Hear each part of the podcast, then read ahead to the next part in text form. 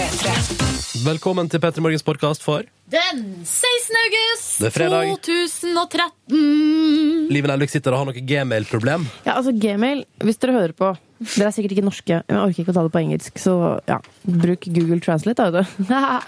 Eh, dere har for eh, komplisert mailsystem, sånn at eh, når jeg trykker på en mail, og så er det en lang historie over, så ligger det bare i liksom, Det blir bare surr.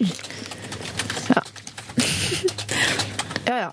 Jeg skjønner ikke noe. Du er på mailen du òg, Ronny, hører jeg. Ja, jeg skriver en liten mail eh, til eh, eh, viktige personer i NRK P3-systemet. Den tar Men det kan ikke mens jeg skriver Ja, den her jeg, på ja. Dagens sending så har Ja. vi hatt Ja, bra, besøk flott. av eh, Simen og, Simen og Peder fra um, Moods of Norway. Ja, De fyller ti år. Ikke, de er altså, ikke ti år gamle. Peder og Simen altså. Men firma fyller eh, Moods of Norway fyller ti år. Stemmer. Vi har tatt en prat med dem, og så er det meget spennende i dagens konkurranse. Meget spennende. Ikke røp mer om det. Oh. Eh, I tillegg så har vi tatt en prat med Birger Vestmo om eh, filmfestivalen i Haugesund, Og Amanda, Pioner og Amanda. og alt sammen. Da kjører vi etterpå blir det bonusspor. Hei og Start dagen. P3 Morgen. Og den kjenningsmelodien der betyr at det endelig, endelig, endelig er fredag! Jeg er så fornøyd med den innspillingen. Eh, For Ronny, du brukte utrolig lang tid på den saksofonsoloen. Ja, ja, det var- Eh, Men den satt til slutt. Ja. Og så sier da Silje du bare Dette er Ja, ikke sant? ja, jeg sy- nei, jeg synes Hva er det du sitter gjør da? kule. Eh, Jeg spiller jo bass, det hører du. Ja, selvfølgelig. Det hører du jo. Velkommen, kjære radiolytter, P3 P3-lytter, til denne fredagssendinga fra oss her i P3 Morgen. Sesongens første fredag, for oss i hvert fall. Mm. Og guri meg hvor deilig det kjennes ut. Kan vi bare kjapt, jeg vil bare ta kjapt en runde. Ja, det, jeg vet det er tidlig fredag morgen. Kjapt, har dere lagt en eneste plan for helga? Ja, jeg skal på slektstreff. Hæ? Hæ? Og det er ikke min slekt, det er kjæresten min sin slekt. Åh, Så, det, så jeg er jo inne for ei skikkelig superhelg. Ja, det tror jeg på, Silje Nordnes. Masse, eh, masse folk jeg ikke kjenner. Men heldigvis så kjenner jeg jo altså den nærmeste familie. Ja. Og så Så kan du, og, du og kjæresten din kan jo være team, liksom. Ja, ja. Så det, og det skal vi være. ja, ja. Så det blir bra. Det er hele lørdag at det skal skje. Liven Elvik på Elverum. Liven Elvik, hva planlegger du? Har du anlagt en eneste plan for helga? Nei, altså det skal vel niplanlegges noe bryllup. Å? For det er jo ikke så lenge igjen. Ja, jeg skal gifte meg. Ja, ja det, skal, det, det, det skal du. Men så da går hele helga med til Jeg ser for meg sånne A3-ark og sånne ruller med papir som bare ruller ut. Ja. Med seteplasseringer og alt som hører med. Ja, jeg burde, ja, jeg burde vært så organisert. Det er jeg ikke. Jeg tar det mer på slump. Fant en som kunne vie øh, forrige uke. Eh, så sånn er jeg. Det ordner seg, tenker jeg, og det gjør det som regel. Ah, flott å høre. Jeg for min del har lagt følgende plan for helga. Drikker noe øl? Ja. Jeg må bare bli litt bedre form. Jeg er fortsatt litt snufsete, Ja. men dette, dette går bedre. Det går bedre. Eh, og det blir Jeg skal på en låvefest. Nei. Skal du på låvefest? Jeg er, jeg er, men jeg er såkalt vedheng. Altså, jeg er plus one i Ja, ja. reisefølget der. Blir det noe mudel in the drink? Og det blir mm, Nei, gammel referanse. Uh, jeg refererte til, uh, hva heter det? Traveling Strawberries. Men er ikke det There is julel in the tynn? Oh, ja. Som i at det er julel i tønna? Å the drink? Jeg vet ikke. Er det ikke bare sånn tullengelsk hele dritten? Nei, men jeg tror det Jo, det er det. Ja, det er det. Jeg tuller, jeg, men det er juleøl in tynn, altså. Men du, tilbake til Lovfest. Hvem er arrangør av dette helt spesielle eventet? Familie til uh, slekt og familie av kjæreste. Det er nesten et slektstreff du skal på, du òg. Ja, Bortsett fra at det er veldig mange mennesker og sannsynligvis god stemning. Og så Ja. må jeg i løpet av helga dere, dere, Nå er det altså flere uker siden sist jeg spiste taco. Å, herre jemini, da må du få det på. Ja, eller spare det til mandag, slik som jeg gjør. Det er jo veldig gøy, det òg. Men jeg kan jo ta det i dag. Også på mandag. Eventuelt, eventuelt, ja. eventuelt taco søndag kveld. Resten av mandag. Det er Ja, men aldri to noe dager igjen på etter rad. taco. Hva slags menneske er du egentlig? er. Vi bruker å ha det. Ja, dere, ja, men dere er jo så småspist i den der lille Ja. familien der at gud hjelpe meg. Spiser et lite korn av den kjøttdeigen og bare Å, den er mett. Ah, ja, det var noe. Ah, det holder.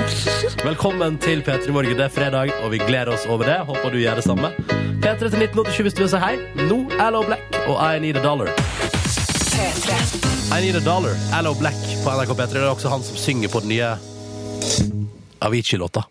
Ah. Jeg ville bare informere om det i tilfelle dere Det vet jo alle. Nå har jeg gått på en gigantisk morgenprogramsmell. Nei! Nei, livet! Oh, det er så deilig at endelig er noen andre enn meg. Nei, dette er det verste. Nå er, altså- nå er disse Silje Nordnes så hardt. I ett og et halvt år har du gjort det. For å alltid spise mat tidlig i sendinga mens vi prater på radio. Og så er du der. Live Nelvik. Jeg trodde du var mer rutinert enn som så. Nei, da plutselig var Allo, han sang mye kortere enn hva jeg trodde han skulle synge. Men, men herregud av dere, skal vi ikke vise litt uh, kjærlighet og omsorg på Jo. morgenen? Altså, jeg, Jeg må få blodsukkeret. ja. Og jeg er ikke den som skal gå hardt ut med kritikk, så jeg sier at uh, det går fint i livet. Takk, Ja. Silje. Og er vi to mot én plutselig? Ja, jeg Ja. håper det går greit for dere der hjemme. Så sier jeg har 100 av dere med på laget, så har vi 102 mot 1, da. Ja. Ja. La oss si at jeg har 2000 med på laget, da. Ja. Ja. Da er det 2000 mot 102. Det jeg liker best, vet du hva jeg liker best med det? Nei. At vi er midt i en prat på radio, og du fortsetter. Ja, men så må jo spise opp. Sånn, borte! Ja, Kan ikke kan ikke sitte som en hamster og bare Jeg vurderte å det. spytte det ut i hånden, for så å putte det Nei. inn igjen etter vi var ferdig med praten. Ok, Men, Da er jeg egentlig litt fornøyd med at du er. Ja. Sånn, ferdig. ok. Eh, til informasjon kan jeg si at det er en, en nydelig crisp rugsprø Mm. med litt, en liten skive sånn kokt krydderskinke. Ja. Og to skiver gulost. Jeg er veldig, altså, pålegget, der, spa, der sparer ikke jeg på noen ting. Nei. Og uh, agurk på toppen må alltid ha litt sånn sprøtt garnityr. Å, Kan jeg Noe av det beste jeg har spist til frokost noen gang, var da du i denne spalta vi kaller Ronny smaker på helt vanlige ting, lagde knekkebrød til meg med sånn smørost og Det var noe mer oppi der også, Avokado. Avokado. Åh, det var Ja. digg. Hva, jeg er veldig veldig god på å lage brød, altså brødmat, knekkebrød, sånne type ting. Ja. Som blir Komponere godt. det. Ja. Ja, veldig, veldig god. Ja, ja, ja, da vet vi det om Live Nelvik. Ja. Dere, vi skal spille rykende fersk musikk på NRK P3. Dette er såkalt første spilling.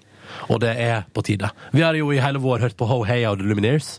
De har mer låter, de, Eller. Hey Ho, som jeg liker å kalle det. Ja, Men det blir, det blir litt sånn noe annet da, plutselig. Ja. Um, nå er de ute med en som heter Stubborn Love. Ny singel.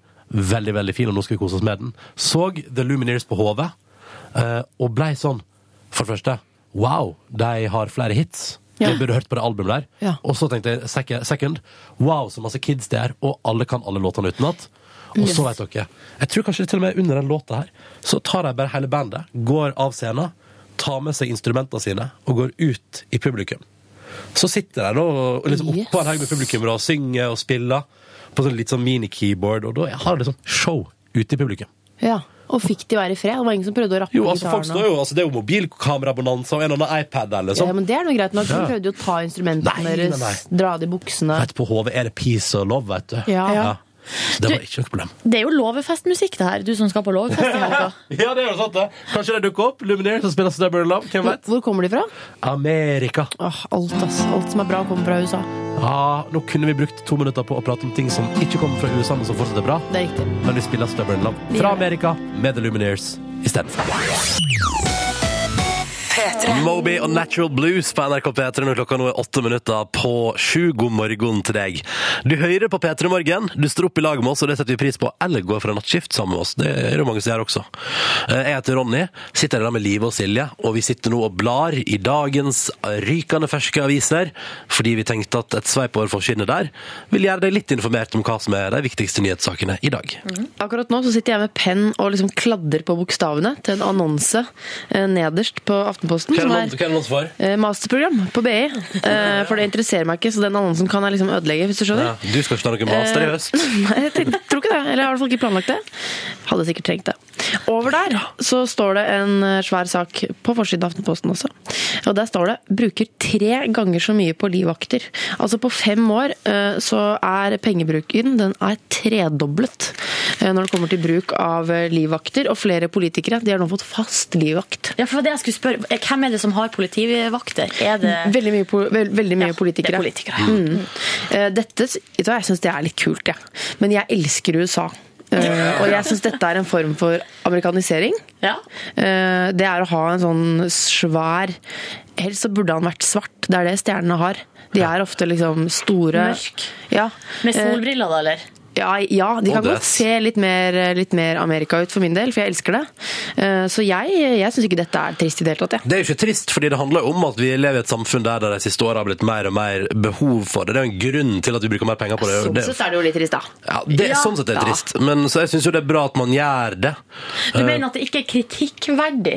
Nei, det, på Nei. ingen måte. Det, er hvis det er noe som er kritikkverdig ved det, er det jo det at vi trenger det i litt av vesle landet vårt. Der man liksom fram til nylig kunne liksom se den sykler alene til jobb, liksom. Uten noen livvakter. Eh, Men det går jo ikke lenger. Fordi at hvis han blir sykler alene til jobb, så er det vel noen som finner ut av det. Han kan jeg knivstikke lett som bare det. Men han, men han sykla ikke helt alene. Altså, det var jo fullt av presse. Og det var nok noen som kjørte både foran og bak. Det bare så veldig sånn Jøss, for en folkelig fyr. Han der liker jeg. Kanskje han burde ta seg en ny sykkeltur. Han burde heller sykla en gang til framfor å ta Yes, taxi. ja. Men han kunne jo sykla og hatt folk bakpå, eventuelt. Ja. Hei, vil du sitte på bæreren? Ja. Jeg tar deg, vi tar deg med. Jeg tar deg med dit du skal. Ja, Det syns jeg er det, ja, det er mer opp min gate. det er opp din gate. Mm. Ja. Eh, andre ting på forsiden, eh, Silje Nordnes? Ja, jeg har jo hengt meg opp i den store soppguiden som står altså da eh, på eh, forsida av VG. Og det handler om matsopp. Ikke noe, eh, ikke noe annet. Hadde vært gøy hvis VG hadde lansert den store narkosoppguiden. Se etter disse skogene får en deilig rus. Ja, vi tenkte mer på Vi tenkte mer på i eh, Åh, oh! altså åh, kroppens mysterier. mysterier, ja. Ja. Men så vet vi at det er så mange som sitter og spiser frokost. Ja, så la oss ikke gå inn på det. Ronny, hvordan står det til med deg og soppsankinga i år? Du, eh, til? Kjempebra. jeg kommer nok ikke til å røre en eneste sopp. Nei. Uh, Altså, vet liker du ikke sopp, eller du plukker ikke Nei, du liker ikke sopp. Sopp er definisjonen på hva jeg syns er ubehagelig med mat. Konsistensen på sopp når du tygger og så kjennes det ut som du biter over Altså, jeg tipper at det er samme konsistens hvis du biter over et menneskelig organ.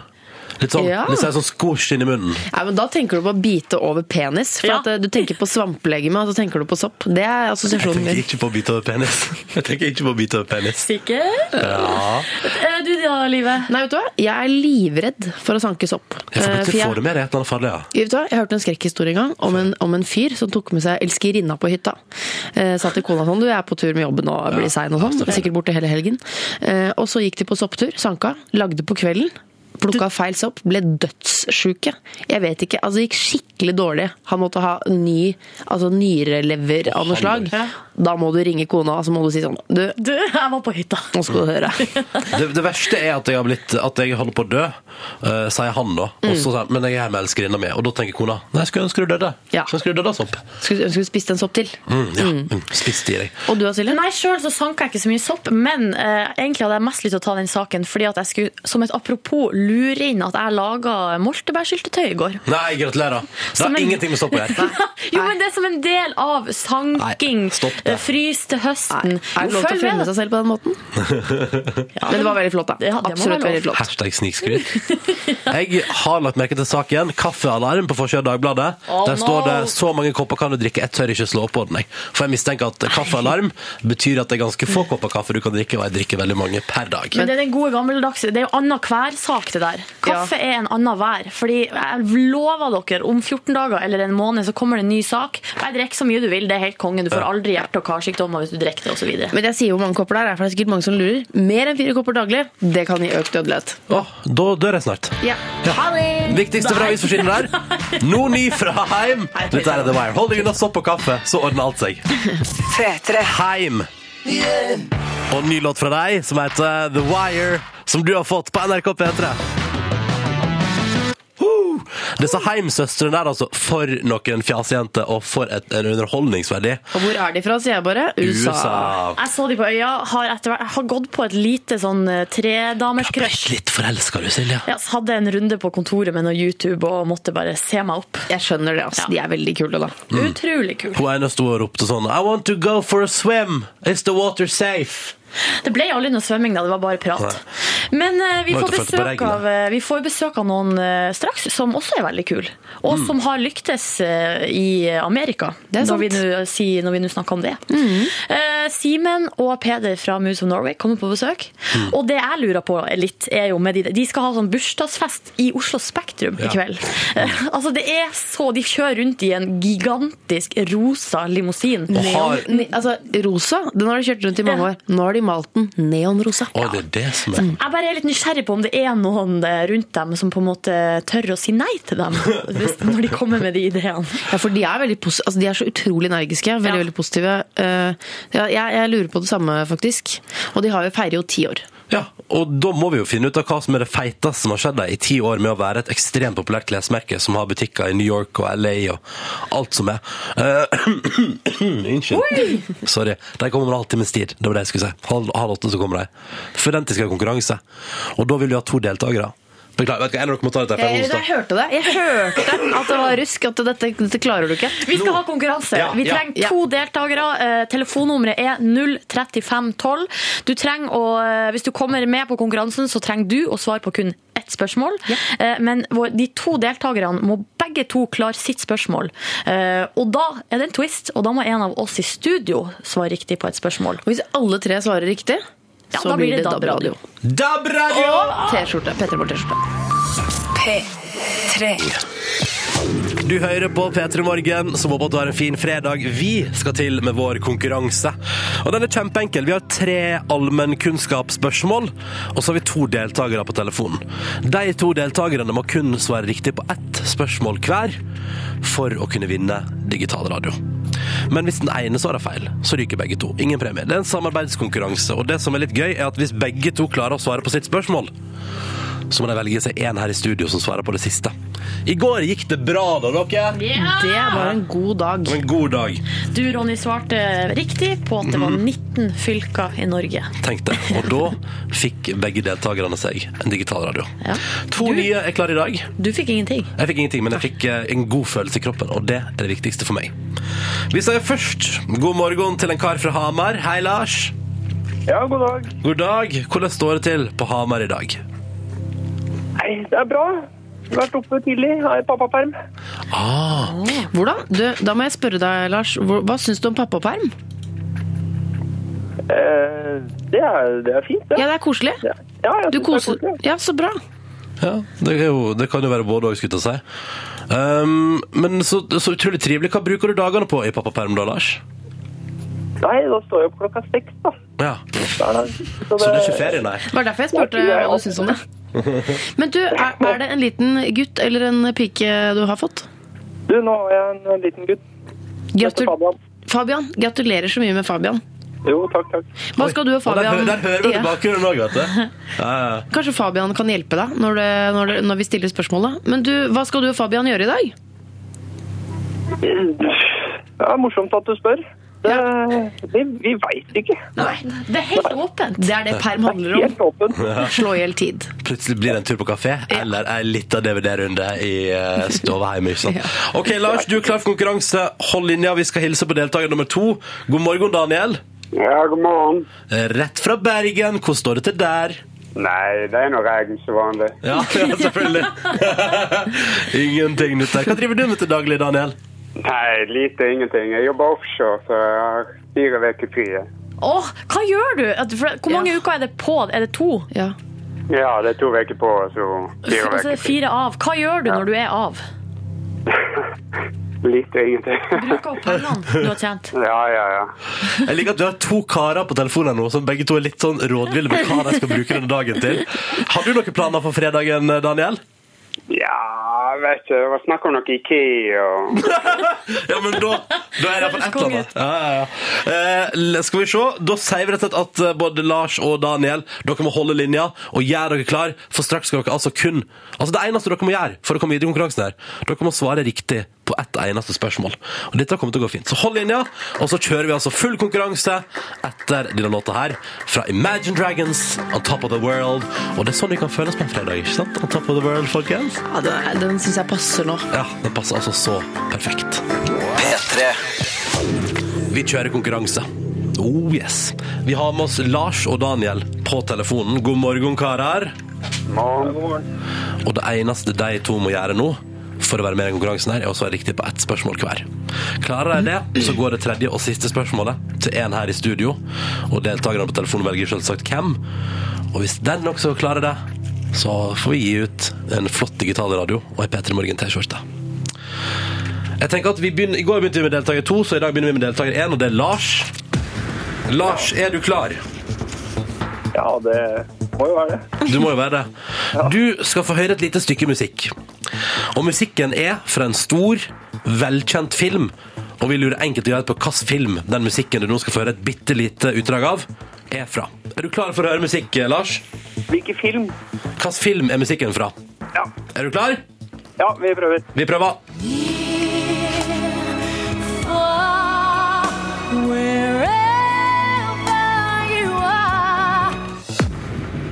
Hvilken film er musikken fra, Lars? Jeg har en følelse på Titanic her. Du har en følelse på Titanic. Ja. Kan det stemme? Ja, det stemmer. Lett. Lett! Jeg liker at du sier lett. Du nølte litt der, men du går for en lett etterpå. Det synes jeg er fint. Kan jeg spørre deg om noe, Lars? Har du, noen som, har du noen rundt deg? Noen som kan hjelpe deg? Bortsett fra Fabian, selvfølgelig. Nei, det er Fabian snakker jo ikke ennå, så Nei, Dårlig hjelp i han. Ja, dårlig hjelp i han, ja. dårlig hjelp i han og dattera mi på fire sover, så Ja. Der var deg. Ja. Nei, jeg skal bare, så du klarte det på egen hånd. Mm. Og jeg, Jeg gjorde det. jeg tipper at Fabian heller ikke har fått lov til å se Titanic ennå. Nei, jeg, nei, han har ikke gjort det, altså. Nei. Skal skal han få lov til det? Spare den til senere. Ja, Det blir sikkert bra, det, da. Ok, Det som er digg nå, Lars, er at nå har du gjort alt du trenger å gjøre i den konkurransen her. Så nå kan du bare lene deg tilbake og høre hvordan utfallet blir. Du er ferdig, du har bestått. Nå skal vi til Daniel. Hva sier du, Daniel? Er du klar? Nei, helsike. Ja. Prestasjonsangst. Nei da. Pust rolig. pust rolig. Dette går fint. Det Vi går bra. kjører spørsmål til deg. Og det er ganske relatert. Har du sett eh, denne filmen Titanic, eh, Daniel? Ja, det er nå noen år siden. Ja. Spørs om du klarer å svare på følgende spørsmål. Hvem spiller den mannlige hovedrolla i filmen Titanic? Åh, den var lett. Eh, Leonardo DiCaprio. Ja, den var lett, den. Daniel? Tenk at det ordner seg. Men tenk om det er Tenk om det er Ryan Gosling. Nei da. Det var selvsagt Leonardo DiCaprio. Ok, Vet du hva, Daniel? Da har du òg gjort alt du kan gjøre i den konkurransen. her. Foreløpig nå sitter vi altså med to deltakere. Lars og Daniel. Begge har svart riktig på sitt spørsmål. Men for å vinne premien, som er en flott og, og kan jeg også si, dyr digitalradio, som også har sånn internettfunksjon og det er flotte greier, så må dere nå velge én her i studio. Meg, Live eller Silje. Som skal svare på det tredje og siste spørsmålet. Og da lurer Jeg på kan vi først, Jeg tenkte først bare høre med, høre med deg, Lars. Hvem kunne du tenke deg at svarte på det siste spørsmålet? Ta livet. Jeg, jeg vet Ta jo at livet var veldig Cocky. eplesekk i går. Ja. At uh, det her klarer jeg, så livet skal få sjansen av meg. Ja da. Er Daniel enig i det? 110 Nei! Å ja, ikke 1000? Ah, OK, da tar jeg imot et spørsmål her, som vi selvfølgelig ikke får før vi vet hvem i studio Lars og som Daniel, skal nå ble jeg kvalm. Ble det det, Livet? Ja, det ble jeg Men faktisk. følg med når vi nå vatter opp et lite hakk her. Nei, men slutt opp, da. Nei, men slutt opp, da! OK, Lars og Daniel. Nå skal jeg altså stille et spørsmål til Livet. Og hun må svare riktig okay, for at dere skal vinne Stil en digital da. OK. ok. Da drar jeg ned Lars og Daniel, så de ikke kan hjelpe deg. Liv Nelvik. Ja. Ja! Nei, nå må jeg, nå må jeg manne meg opp her. Kvinne meg opp. Hvor mange stater er det i Amerika? I USA? Å, mitt favorittland. Hvor mange stater er det i USA? Liv Nelvik, tida går ut. Jeg må ha et svar. Det er Åh, det er et rundt 50 ish. Vent, da. Det er ikke 52. Nei, du må svare nå. Du må svare nå. Si noe. Si noe. Si noe. Jeg sier eh, fem... 49. Du sier 49? Nei. Nei, hva går du for? Bestem deg nå. Uh, 49. Du går for 49. Ja. Åh, Liven Nelvik. Er det 52? Eller 50? Det er noe på 50. Kanskje det er 51. Å nei, Daniel og Lars! Det er 50 stater i USA. Beklager, Lars og Daniel. Da blir det ikke premie på dere. Nei, Unnskyld. Unnskyld at, jeg, unnskyld at jeg til dere som nettopp har stått opp, at jeg skrek. Og Lars og Daniel, hva, hvordan kan jeg gjøre det godt igjen? Unnskyld. Å nei! Å nei! Dere var så flinke! Jeg er ikke verdt noen ting! Jeg er et null! Men det er sånn som skjer i denne konkurransen, og det er det som er så gøy. Åh! Men ny sjanse på mandag. Ja! Ja. Beklager, Lars og Daniel. Da blir det ingenting på dere. Live Nelvik svarte feil, og da er konkurransen over. Beklager så masse. Ha ei god helg, karer, og lykke til både på Ikea og i pappaperm. Og takk for at dere var med. Ha det! Ha det, ha det. Jeg er veldig glad i dere, altså. Ha det. For en forferdelig konkurranse. Ja, velkommen etter. Det er altså 50 stater i USA, og Alaska og Hawaii ble lagt til på 50-tallet. Nettopp. Da var det, der ble jeg sø... Livet går videre. Altså, Lars og Daniel, hvis dere hører på nå, dere kan ringe inn på mandag. Det er lov til å prøve seg Ja, igjen, altså, liksom. det, er jo, det er allerede en som har prøvd to ganger i denne konkurransen og tok revansj. Det er vondt når det går galt. P3. Avril Lavigne. Det var gøy å høre igjen Complicated på NRK P3 i P3 Morgen ett minutt på halv åtte. Jeg fikk en tekstmelding, Uh, uh, for at jeg dreit meg ut i sted. Det beklager jeg, både til Lars og Daniel. De var innringere i vår konkurranse, svarte riktig på sitt spørsmål. Jeg bomma på mitt, det ble ingen premie til noen. Og da kommer det en tekstmelding hvor det står 'No more cock i livet'. Eh, Å nei, nei, da kjenner du meg veldig dårlig. Eh, jeg, nå er jeg helt tilbake. Eh, så på mandag, eh, da er det bare å velge meg igjen. Ja, det er bare å velge livet igjen. Ja, ja, Foreløpig har jeg én tap én vinn. Du har én tap. Silje Nordnes har ikke fått prøve seg Nei, og jeg er så glad for det. Det Men kommer. samtidig så blir det bare verre og verre. Det bygger seg opp en spenning. Mm. og så har jeg fått melding om at ja, dårlig konkurranse, dere ødelegger jo alltid. Det er konseptet. Ja. Det er konseptet med konkurransen vår. At vi kan ødelegge alt sammen på tampen. Og det er det som gjør det Ja, nå- ekstra spennende. Ja, nå må du være med på moroa, liksom. Nå må du være med på nerven. Ikke len deg tilbake og sett armene i kryss og si 'hvorfor er det ingen som får premie'? Eh, For det er, dette som er gøy. Ja. Alltid like spennende. Ja, ja. Oh yes. P3. Håkan Hellstrøm på NRK P3. Klokka er seks minutter over halv åtte. Du hører på P3 Morgen. Ronny, Live og Silje i studio. Håper du har en fin fredag. Det er faen meg fredag, folkens! Det er fredag. Det er fredag. Fredag. Og helga ligger og vaker borti der, og vi skal straks ta på den alle sammen. Tenk hvor deilig. Eh, kan vi snakke litt om politikk? Ja! Gjerne. Men ta det helt med ro. Ikke skru av radioen, eh, fordi nå er eh, politikk plutselig eh, kjempegøy, spør du meg. Eh, I hvert fall når man møter overskrifter som 'kaprer velgere på sexmessen'. Ja, da må jeg lese videre. Fortell. Nei, altså det er Nå skal ikke jeg røpe parti, for det skal dere få mulighet til å gjette. Det er altså en, en kvinne på 29. Eh, Hun satser på å treffe nye velgere på den erotiske messa, altså Sexhibition, eh, som eh, går av stabelen her i Oslo. Hvilket parti mener dere er eh, partiet som kunne gått på Sexhibition? Silje, Silje rekk opp hånda. Silje. Kristelig Folkeparti. Nei, det var det jeg skulle si, Ronny! Jeg skal ha kunstpause! Du ødela kunstpausen min. Nei, men ikke tull. Det er jo ikke Nei, det er jo ikke Det er jo ikke KrF. Nei, det er jo Fremskrittspartiet. Ja. Men det er fordi de er mest innovative og nytenkende, tenker jeg da. Ja. som tør å gå litt nye veier. Ja. Hvorfor, ja, hvorfor skal man gå på husbesøk og banke på og reise land rundt når man kan gå rett til Ja. kjernen? Og så er det samla 1500 mennesker. rett i kjernen av hva? Det norske folk, selvfølgelig. Okay. Ja. ja, men eh, nei, for Hun sier at det er en fin plass å møte nye velgere på. Eh, og så får hun spørsmål om du tror ikke du blir litt distrahert, da?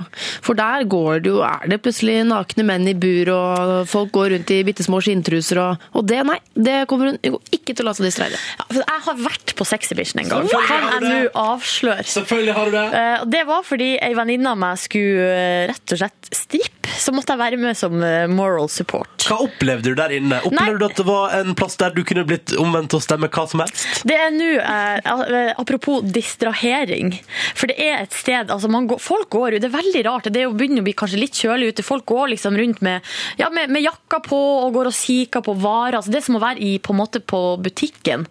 Bortsett fra Ja. at det er strippeshow i den ene enden av rommet.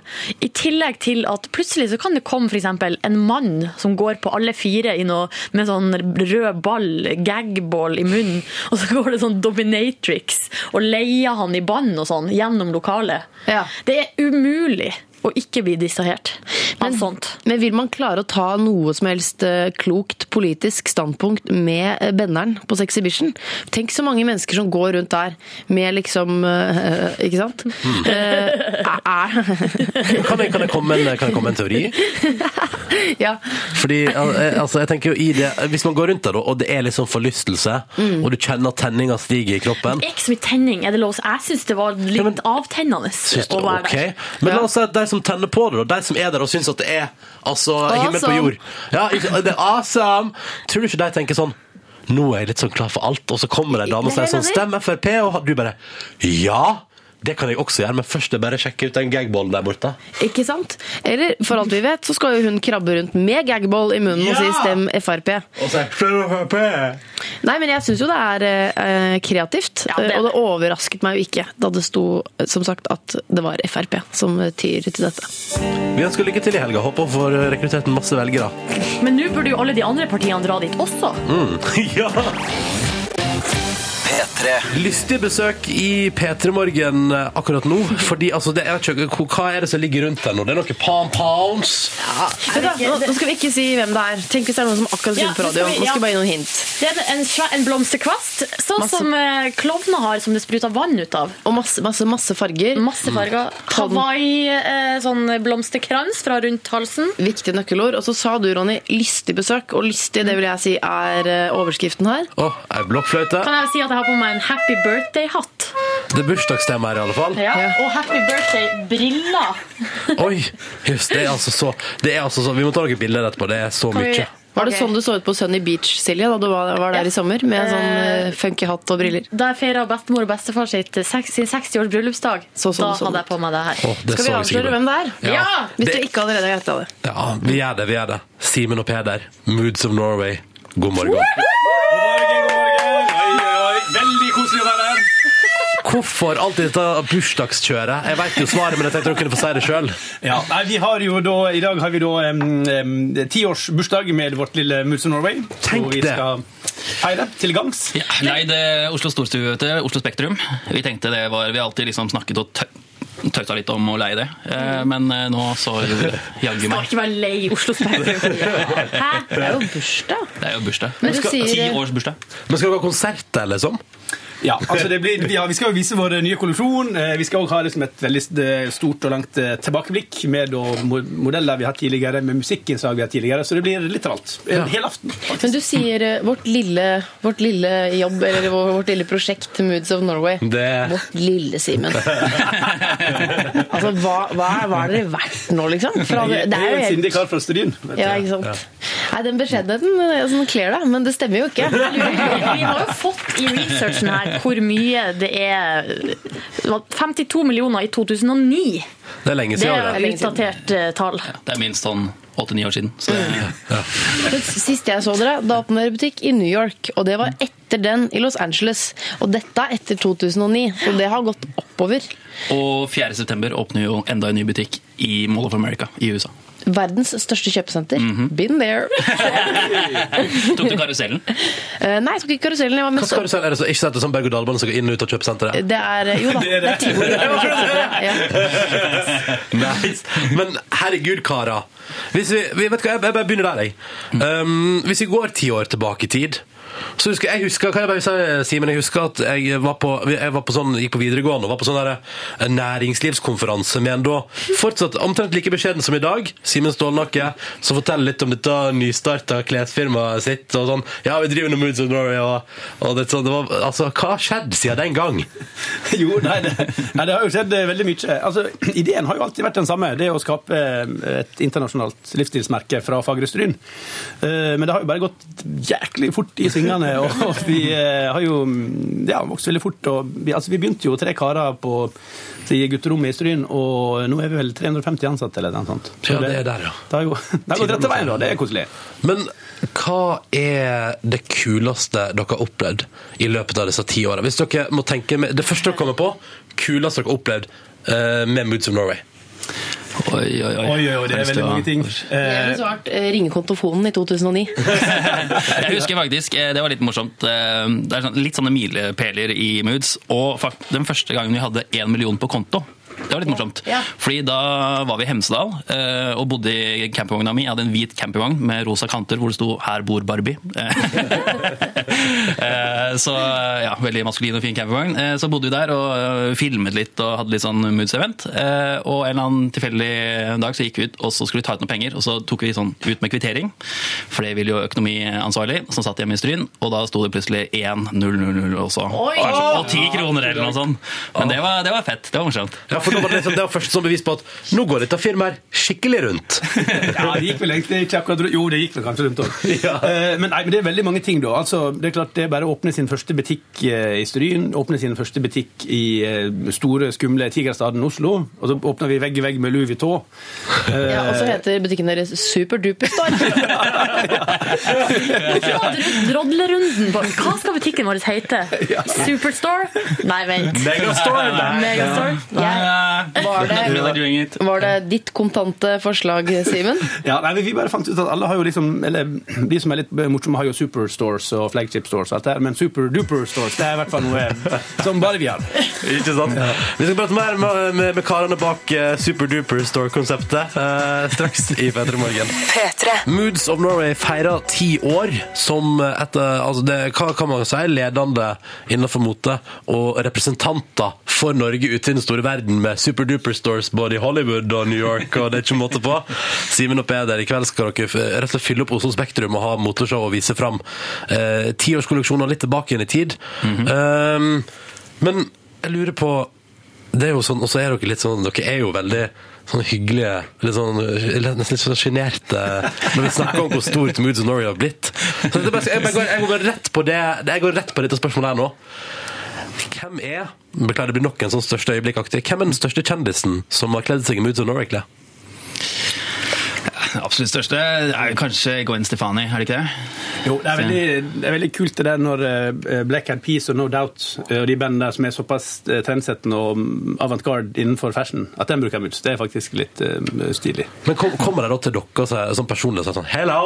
Hello, yeah, hello, I'm from America. Eh, Nei, det er ofte stylistene som er, det er det som er veldig bra med eller en av de, og de gode tingene med å ha butikk i New York og LA, er jo at eh, veldig mange superstjerner og eh, stylister og sånn er jo innom butikkene og shopper når de skal på turné eller et fotoshoot eller et eller annet. Så, så da treffer de jo liksom midt i hjertet av der de faktisk driver og handler. da. Og la meg bare si at Den butikken ligger jo ikke i New Jersey, liksom. Den ligger i Soho. Midt i Soho. Ja, så dere har gått all in, all in der. Men denne tiårsfeiringen i Oslo Spektrum Uh, altså føles, Blir dere ikke nervøse? Oslo Spektrum, det er uh, Altså du- spilte, Var det ikke Justin Bieber som spilte det? han, spilte, han var Telenor Arena. Telenor Hallo, Arena, ja. Det blir Ja, ja. Det blir alle, mine, alle mine konserter de har vært i Oslo Spektrum. Rihanna har vært der. Alle har jo vært der. Ikke sant? Ja. Og nå Moods of Norway. Hva, hvordan føles det? Nei, Det er jo kjempestort og kjempemorsomt og selvfølgelig litt surrealistisk. Altså, vi, vi bare kommer opp med en liten idé, og så ja, du, nå leier vi Spektrum. Og så tenker vi ikke så veldig mye over det eh, ofte. Og så går det jo litt tid, og da har vi ikke noe valg. Da Ja, har sannsynligvis sånn noen booka det for oss og litt sånn forskjellig. Men vi har jo også ganske god track record og litt sånn eh, eh, lav terskel for å booke ting. Nå har vi jo booket Altså vi har brukt Holmenkollen, eh, Bislett Stadion, eh, Kongsgården, Folkemuseet eh, Ja, og nå Oslo, egentlig. Ja. Så det begynner jo å bli ganske interessant samling av lokaler som vi har leid. Det blir ikke så stas å feire privat 40-årsdag om noen år, da? Etter å ha hatt bursdag i Det ligger veldig høyt for oss. Det er jo, man, blir jo, man er jo kjempenervøs, for det er jo litt sånn som å gå opp til eksamen. Altså, vi har jo planlagt det her et halvt år med å tegne klærne, så har vi planlagt et halvt år med produksjonen av showet. Så det er jo en kjempeproduksjon. Det er, er vel, en, over 350 personer med i swing for å lage et en times show. Så Ja. det er jo mye styr. Men hvem i apparatet rundt dere er det som holder tilbake? Er det, noe, er det noen som gjør det? Eh, ja, si det. Det er egentlig et godt spørsmål. Det er. Det er ja, det er ikke noe kanskje Er det noen som prøver? Altså, Vi har jo én idé i kveld som jeg personlig er litt spent på. Det er litt hemmelig, da. Eh, Men eh, det jeg er ganske nervøs for det, og så burde jeg sannsynligvis vært veldig mye mer nervøs enn det jeg er, i tillegg til så nervøs som jeg er. Eh, Men eh, noen burde kanskje ha stoppet den ideen. det finner vi ut kan om noen timer. Sist kan hete, fordi sist så kom jo Ari Behn ut med englevinger til stående applaus og Mm. proklamerte noe greier. Skal kronprinsessen fires ned fra taket? Oi! Det hadde vært tøft. tøft. Et lite hint. Ikke, Ja, nei, vi. Lite Ja, ja, hint. Vi blir veldig nysgjerrige her. Det begynner å bli litt seint å greie å fikse det, men vi ja, nei. eh, ikke som vi vet, i hvert fall. Nei. Nei. Nei, det, kommer, det er veldig, veldig mange overraskelseselementer i produksjonen. Og det tviler jeg ikke på. Mm. Men eh, et annet spørsmål. Er det, eh, For dere er jo veldig, veldig glad. Eh, og det er, altså, Dere er kjent for klær, Moods of Norway, men jeg tror dere også er veldig godt kjent for godt humør og optimisme. Eh, Når Eh, altså, er dere sure noen gang? Er dere liksom, har dere vært i kjelleren, kjent på de følelsene noensinne, liksom? Sitter, er mye- og gråter for oss sjøl i Ja. Nei, altså, det er, det er jo egentlig Ta veldig et dypdykk nå, Simen. ja. Nei, vi er jo såpass eh, heldige at vi får gjøre at vi får holde på med nok, eller det som vi syns er morsomst i hele verden, å drive og eh, skape et eller annet, om det er klær eller hva enn det er. Og eh, sånn sett så har vi ikke noen grunn til å være depressive. Eh, Men det er veldig masse ting som foregår hele tida, både i Norge og utlandet. Men den store fordelen med at vi alltid er så glad, tror jeg at vi, alltid, vi har vært flere. Vi er som et lite rockeband. Vi har skapt det sammen med kompisene våre. Så vi får oppleve det sammen med andre folk. og Ehm, uh, ja, altså at du Prosessere det ja, sammen, ja, sant? Vi henger jo sammen på fritida og i jobb, og så det er Moods of Norway-familien, da. Så Og i, ingen grunn til å ja, altså, I den gjengen så er det alltid noen som finner en løsning. Eh, sånn, altså Superduper Store, som vi snakket om i stad, det er jo en feiltagelse. For det skulle jo aldri stå Superduper Store. Eh, det var bare det at fasaden ble bygd litt eh, feil. Ja. Eh, og da ble det et parti som egentlig ikke skulle være der. Og som vi Så det ble bare... et mellomrom, liksom. Det ble et mellomrom som vi var kjempe... Var sånn, Dette kan vi jo ikke ha, det ser jo ikke ut. Eh, men, men da var det jo en som bare Ja, men du, eh, kan ikke bare skrive Superduper Store? Eller, kan, kan, kan vi ikke bare putte inn duper?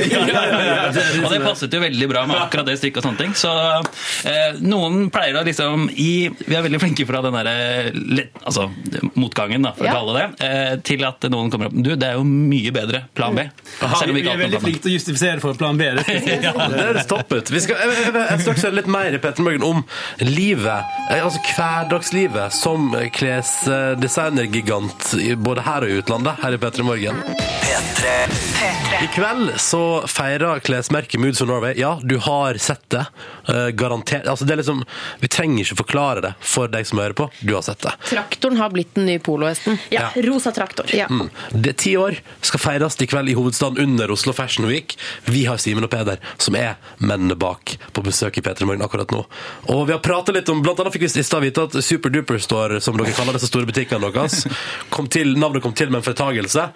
Uh, og så føler jeg at det, det er litt sånn, det er kanskje litt sånn dere jobber. Hvordan er, uh, kjære karer, hvordan er livet, hverdagslivet, som uh, klesdesigner? Uh, motegigant, for eksempel. En helt vanlig dag, da, i det jeg antar er penthousen i New York, for eksempel. Hvis det finnes en vanlig dag, hva er deres liv?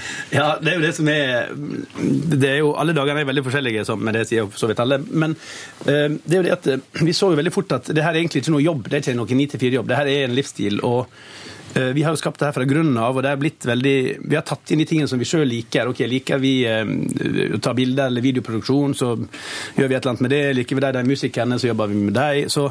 Eh, liksom eh, Liker vi det og det radioprogrammet? så Liker vi det det, det radioprogrammet? Kommer vi opp, selvfølgelig ja. Hørte tidlig i morgen. Og. Så, så Moods har jo egentlig gitt oss da rammeverket til å inkludere eh, alt mulig moro som vi syns eh, i vår egen hverdag. da. Men det er jo, Moods er jo veldig bygd på kontraster. Altså det er jo litt sånn By og land møtes, og Norge møter utlandet, og altså rosa fiskebåter og ikke sant. Eh, og de kontrastene er vi veldig fan av, og liker det i livet generelt. Eh, så det er veldig morsomt i LA, eh, men da er det utrolig deilig å komme hjem til Norge og sånn også. Mm. så, og nå etter fått barn, eh, så er det jo enda mer kontrastfylt. Så jeg, for noen uker siden så leverte jeg jo Eleon i barnehagen eh, sånn på morgen. Syklet eh, med glassykkelen min. Og så på kvelden så jeg avsluttet dagen da sånn hard clubbing i Las Vegas.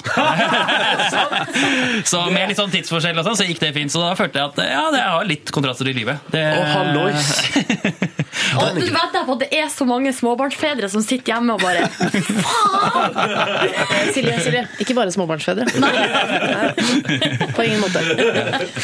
Men, men okay, har, dere, har, dere liksom noen, har, dere, ant, har dere en base?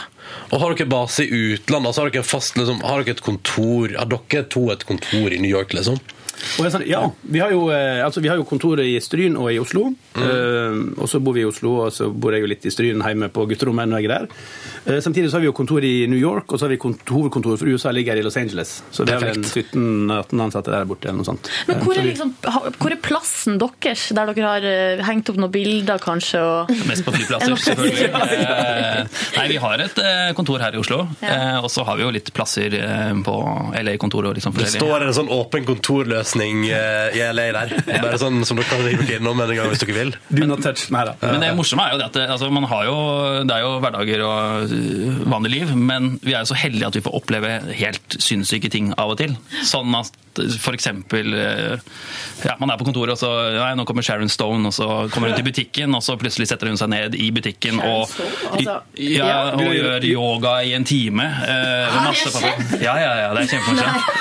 Eh, Eller Macy Gray kommer innom masse en tid, da, for jeg tror hun var litt sånn, forelsket i Stefan, så hun kom innom med is ganske ofte. Det er jo litt sånn sært å sitte sånn hverdagsjobbing da, bak, eh, og så kommer Sharon Stone, liksom, nei, Macy Gray med liksom is til hele gjengen, og så Altså, kom, kom om i yoga-outfit og liksom matta si rulla sammen under armer og liksom Nei, hun kom på shopping, og så da måtte man stenge butikken, for det er så mye sånn styr. Eh, Men, og shoppet noen klær og sånn.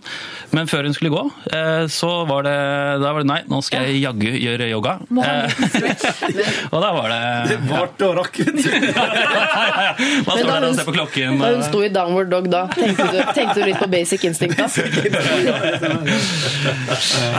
Ja. ja, det er litt eh, rart. Men min favoritt, da, hvis jeg skal si det, eh, det er jo i fjor Jeg er sånn gammel Roskilde-mann, ikke sant? Jeg har vært masse på Roskilde. Eh, og når man er liten kid på Roskilde, så drømmer man jo om å litt være litt sånn rockestjerne og stå på oransje scene, som er den feteste scenen. Eh, og det gjorde vi jo faktisk i fjor sommer. Eh, da opptrådde vi jo på oransje scene på Roskilde. Hva spilte dere? Eh, vi, spilte, vi spilte ikke. Det var samme Apparatchik, det bandet vi lager klær til. Eh, Så vi kom rett fra Berlin. Eh, rett inn The Cure varmet opp. Bam, pra, bam. Eh, jo, jo, jo. og, så, og det jeg og Simen skulle gjøre, som vi bare hadde liksom sagt til bandet på litt sånn tull, det var jo kan ikke vi bare være med og opptre, vi, vi danser, liksom. Eh, og da hentet vi de rosa snømennene som vi lagde til VM-showet, eh, som vi hadde laget av Ikea-lamper. Eh, måtte gaffeteipe sammen de, da, for de var jo litt slitt. Eh, og så rett og slett opp, eh, danset de inni hver vår rosa snømann foran 70 000 pers. Fantastisk. Det er her er min, dere har ingen som sier nei. Det er liksom bare ja. Her er alle i ja-fasen. Ja, det var veldig, altså når man først kom, når man liksom kom tilbake til eh, Roskilde, og måten jeg kom opp, eller vi liksom kom tilbake og opptrådde på eh, scenen, eh, inni da den rosa snømannen, da følte jeg at det, det var ikke akkurat sånn kanskje jeg hadde tenkt meg det når jeg var eh, 16 år gammel. For du ville være sånn kul gitarist. Ja, men men nå har du runda livet, liksom. Men, nå har eh, du runda livet. men jeg syns det var kanskje en enda morsommere måte å komme tilbake Ja. på. Det syns jeg. Tror jeg på. Så er det krysset, da. Ja-fasen fortsetter i Peter Morgen straks, når Moods of Norway-gutta skal få lov til å delta i vår spørsmålstafett. P3. Simen og Peder, som er karene bak eh, Moods of Norway, er på besøk i P3 Morgen og har eh, fortalt utrolig morsom historie om da Sharon Stone var innom butikken og gjorde yoga, og da spilte med superbandet til Morten eh, Magne Furuholmen og han ene duden fra Mew altså, og Coldplay og sånn i, på Roskilde. Når er dere sånn at dere, Blir dere fortsatt eh, Dere skal jo fylle Oslo Spektrum for å feire ti år i kveld, og sånn, men blir dere fortsatt litt sånn litt sånn starstruck når kjendiser eksempel kler seg i deres klær, eller det som skjer sånne store oppturer for Moods Eller, eller, eller er dere blitt litt blaserte? Eh, Nei, absolutt. Det er, jo, eh, det er jo veldig stas når liksom store, kjente folk eh, som kan velge mellom alle merker i hele verden, velger Lille Moods of Norway. Ja. Men så er det òg veldig koselig også å se folk så når man møter folk på gata, om det er i Norge eller utlandet, som går i klærne våre. For vi har jo stått og jobba med det her i månedsvis og spekulert. Og, så nei, man blir jo veldig beæra at folk, faktisk folk velger det man Men tegner dere selv? Eh, nei, akkurat nå ja, altså Vi lager jo eh, For inntil to år siden tror jeg så tegna vi jo vel mesteparten sjøl. Men nå tegner vi vel 1000 produkter per i året, eller 1200 produkter i året. Så eh, vi har jo et superteam av vel en eh, 18 designere eller noe sånt. Som lager alt fra klokker til sport til hva som helst. Så nå er det mer at vi kommer og bestemmer temaer, og dette skal det handle om, dette er fargen, og dette skal vi gjøre. Ja. Uh, og så er vi med på prosessen med mange som gjør ting, da. Ja, Det er egentlig en litt sånn stor kollektiv smelt kollektiv idémyldring, kan man si. Ja. Nå ser jeg for meg sånn kollektiv med masse folk som bare sånn ah, det står en kaffekanne der. Og Ja, det er, akkurat det er- det er 100 korrekt. Ja. Sånn køyesenger i eh, fire etasjer borti hjørnet. Altså. Når dere finner ut liksom retninga Moods of Norway skal gå i i neste kolleksjon, forholder dere dere da til resten av motebildet? Ja og nei, egentlig. Eh, For uh, vi gjør jo det vi har mest lyst til å gjøre. Uh, Og noen ganger ser vi at det er eh, eh, følger motebildet, altså med farger og sånn. Andre ganger så ser vi at det ikke gjør det. Eh, men så sier vi ja, nei, men det, da, det bryr vi oss ikke særlig om. Da kjører vi det andre greiene.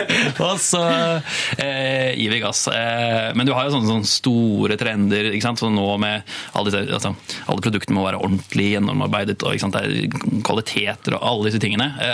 Men så kan vi legge et moodslag oppå det i tillegg, da. Mm. Som er morsomt. Ikke sant? Dere skal få delta i vår spørsmålsstafett, og dere skal få ehm, eh, spørsmål fra vår forrige gjest. Uh, Amrita uh, Acharya hun spiller, har spilt i Game of Thrones og er aktuell med film som har premiere i kveld, som heter Jeg er din. Og hun har stilt følgende spørsmål. Er dere klare? Ja, Vi er klare. Her Shoot. kommer det. Hva slags truse har du på deg? Oi! Ja, eh, ja, gratulerer, med, gratulerer premieren, og takk for et kjempefint spørsmål. Jo, nei, Vi er jo såpass heldige. Vi er vel en av de få eh, gjestene her som faktisk får lov å lage vårt egne, vårt eget undertøy. Ja. Så eh, det er eh, jo Det er Ja, gra- ja, Ja, det er, eh, Er det Moods of Norway? ja, det er uh, Grandpas Discoware. Mm. Uh, det hadde vært så gøy hvis jeg liksom skimtet i strikken, boksershortsstrikken, at det sto Gant. Eller, eller Bjørn Borg. ja. Eller jeg hadde en eh, hvit skinntanga, f.eks. Det hadde vært Det veldig hadde vært flott. Men Men det, det hadde jo vært hovedregelen, og dette er unntaket. Din Peder var rosa, rosa og blå. Eh, ja, det Ja, og uh, Simen hadde lyseblå og Ja. Ok, ja, men da vet vi det. Er det- Hender det at dere spesialdesigner sånn faen, Jeg kunne egentlig tenke meg en bokser som var sånn og sånn. At dere liksom spesialdesigner kun til dere sjøl. Har det hendt? Nei, det kun til oss sjøl. Det er litt uh, Ja. Litt, litt dyrt? Ja, det er, litt, det er litt dyrt, men vi lager jo såpass mange ting at vi, hvis det er noe vi vil ha, så kaster vi det inn i kolleksjonen. Av eget godtbefinnende. Ja, og så er det jo ikke da alltid det blir produsert, eh, og da sitter jo en med de få eksemplarene som var i en prøvekolleksjon. Så da er det jo på en måte å gjøre det eh, ja, til oss. Til seg selv. Ja, som den eh, paljettjakka sist. Men som som regel så er det når man tegner man 1000 produkter, så finnes det jo alltid et eller annet man liker veldig godt. Ja, det, det, det håper jeg virkelig. Eh, Dere skal få lov til å stille et spørsmål videre i vår stafett. På mandag er Ravi gjest, aktuell med et nytt sånn eh, antikvitetsprogram på TV3. Og da lurer jeg seg på, Moods of Norway-guttene, hva vil dere spørre Ravi om? Hit it, Simen. Kjære Ravi, eh, du reiser jo land og strand rundt med antikviteter, og du har holdt på veldig mye med musikk. Vi er jo store fans. Det vi alltid har lurt på, er at vi har egentlig ikke noe soundtrack til, som beskriver Moods of Norway. Så eh, du, hva anbefaler du bør være Moods of Norways eh, offisielle, uoffisielle sang? Man tror, jeg tror kanskje Ravi kan finne på noe der. ja. Ja, det, er i hvert fall- det er i hvert fall ikke en rolig låt.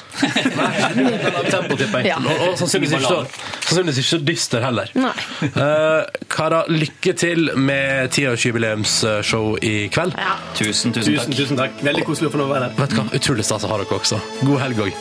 God helg. P3 Rudimental og låta som heter Waiting All Night på NRK P3. Hei, hei, hallo. Hallo? Hallo? Det er dere vi sier hei til, altså. Ikke hverandre. For vi har sittet her eh, en god stund nå, så ikke noe nødvendig med et hei. Nei, men til deg som akkurat for eksempel har stått opp og skrudd på, Ja. god morgen og velkommen til radioprogrammet P3 Morgen, som altså bedriver morgenradio her på P3 mandag til fredag fra seks til ni. Hvis du nettopp har stått opp øh, og begynner på jobb klokka ni, for det er det veldig mange som gjør, da må jeg bare si at da har du dårlig tid. Veldig dårlig tid. Til 23 minutter, det går ikke, Da har jeg et tips. Eh, Da rekker du ikke å dusje. Det blir en ikke-prioritet i dag, for deg som har forstått det altså. Ta på deg lue. Det har jeg gjort i dag. Ja. Fordi det eh, ble ikke en prioritet for meg heller, å skulle dusje kroppen. Når sist, eh, hvor tid sist dusja du? Du, det var i går morges. Er det litt lenge siden? Oi, døgn! Jeg syns det er lov. jeg. Ja. Ja, for, Men jeg er jo, jeg er jo altså, en ren kvinne sånn i utgangspunktet. Sånn at jeg lukter jo ikke vondt av ikke dusje nei, syns aldri det lukter Som- vondt. Aldri opplevd at det lukter vondt. Gjelder det òg, Silje? Aldri opplevd at det lukter vondt? Nei. Har dere opplevd at jeg lukter vondt? Jeg visste du skulle spørre om det, for det har du fullstendig angst for. Ja, sånn at Ronny, hvis han hadde forsovet seg nå, begynt klokka ni, så hadde han dusja. Ja. Eh, Nei, jeg har aldri opplevd at eh, du lukter vondt, Ronny. Tusen takk! Men apropos forsoving, så har vi fått en SMS. Dette går til deg, Livet. Det er et spørsmål. Ja. Eh, Du har nå vært tilbake her hos oss i ei uke. Ja. Eh, og da er det en eller ei som skriver her. Koselig å ha deg tilbake, Livet. Når skal du begynne å forskjøve deg igjen og stresse i taxi til jobben? Vet du hva, det er bare et spørsmål om Men gjorde ikke du det liksom andre dagen eller tredje dagen? Eh, Jo da, jo, men jeg Jo, men jeg var her da begynte jeg. Rakk det så bare det. Det gjorde jeg. Eh, Men altså, ingen fare for de som syns det er underholdende. Det kommer til å skje. Ja. Eh, Men jeg bare syns det er litt sånn eh, De sender ut litt feil signaler og gjør det allerede første uka. Ja, ja, ja. Da prøver jeg å holde meg innafor. Men uh, forrige runde, da du var her, det, da hadde du ikke barn. Nei. Det, Så det må vi jo ha med. Ja, det må vi ha med. Ja, som Hjelper kan på. finne på å være våken om natta osv. Ikke sant? Så noen netter kan være litt tøffe også. Rett og slett. Begynn å grine! Begynn å grine! Det er jævlig tøft. Nei, nei, det tror jeg på. Men du angrer ikke? På barn? Nei, det ville vært litt uh, trist. Uh, både for meg selv og ikke minst for henne. Jeg vil ikke egentlig ha deg! Nei, nei, nei, nei. Det er ikke sånn, altså. Livet er ikke elskelig og Jeg er ganske Altså, er jeg elskelig? Hva altså, Nei, men altså, du, ok, du elsker, da. Jeg er full av kjærlighet. Full av kjærlighet. var Deler det. ut. Oh, yes. Straks skal vi en tur til Haugesund. Filmpolitiets Birger Vestmø på plass på filmfestival! Det er men, godt i gang. Å, ja. men først ny låt fra Kings of Leon på P3. P3. Super Soaker, ny låt fra Kings of Leon på NRK P3 som du fikk straks kvart på ni. Og vi må en tur til Haugesund nå, føler jeg, for altså, der er det filmfestival, og Aksel Hennie ankom i privatjet, og det er ikke måte på. Og premiere på nye filmer og styr og vesen. Og selvfølgelig har vi i P3 en representant på plassen. God morgen, Filmpolitiets egen konge, Birger Vestmo. God morgen, morra, bajas, Ronny. Åh, Birger Vestmo, hvordan går det bort til Haugesund? Har du vært på grisefylla og er tidlig oppe i dag? Eh, eh, svaret er vel ja, jeg er tidlig oppe i dag. Ja, bra, bra. Men det var en veldig hyggelig premierefest i går. det var det. For som du sa, Pioner ble jo da vist eh, i går kveld og åpna dermed filmfestivalen. og de, de hadde jo da flere av filmens skuespillere og, og, og skapere i salen, deriblant Aksel Hennie, da, som du nevnte, kom i privatfly fra, fra Ungarn, der han nå spiller inn Hollywood-filmen 'Hercules' sammen med The Rock. Eh, så det, det er viktige ting det der, da, og da kan man ikke nødvendigvis komme i tide til Haugesund til pressekonferanse og slikt. Og det. Men jeg skal møte Aksel Hennie litt senere i dag og um, få et intervju der. Så da skal jeg prøve å fritte han ut om uh, The Rocks uh, spisevaner. For hvordan har Ja. The Rock egentlig blitt så tight? Ja. men du, Birgit, tror du Aksel Hennie stiller til intervjuet i bar overkropp? Altså, han må jo vise fram det han nå har trent opp. I, under den The Rock-innspillingen så har han jo bøffa seg noe jæsklig opp, liksom, i kroppen. Ja, ja, eh, det hadde jo kanskje vært litt sånn merkelig hvis han hadde stilt intervju i bar overkropp i søkkregnet her i Haugesund. Men, eh, men det hadde jo vært en god historie i etterkant, så vi får se, da. Men eh, han, han, han er ikke typen som stiller til intervju i bar overkropp. Men Birger, hvordan var filmen, da? Pioner? Ja, filmen den har jeg anmeldt på p3.no slash filmpolitiet, og den har jeg gitt en terningkast fire. Ja. Og det betyr at det er en eh, god film. Det er imponerende undervannsscener i den. Aksel Hennie er som vanlig solid. Han er en trygg mann å ha i enhver hovedrolle, virker det som. Og dette er jo da en spennende historie om en nordsjødykker som opplever en tragisk ulykke sånn rundt 1980 der et sted, eh, og prøver å finne ut hva som egentlig skjedde. Opplever at eh, alle rundt han prøver å dysse ned hele greia og røyklegge saken. Så det er en sånn konspirasjonstriller, det her. Ah, sweet. og det er absolutt eh, verdt å se på kino. Men hvorfor har han Um, bare fått fire? For nå beskriver du en veldig, veldig god film.